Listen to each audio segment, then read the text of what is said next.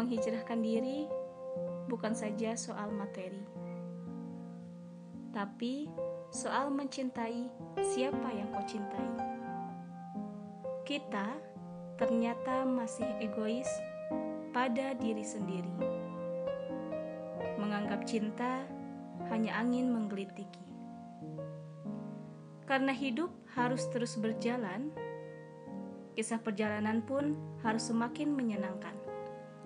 Dan di sini kita akan berbagi kisah yang memotivasi kalian untuk terus hidup. Selamat datang di podcast Kisah Rahasia. Semoga kalian selalu berbahagia. Salam hijrah.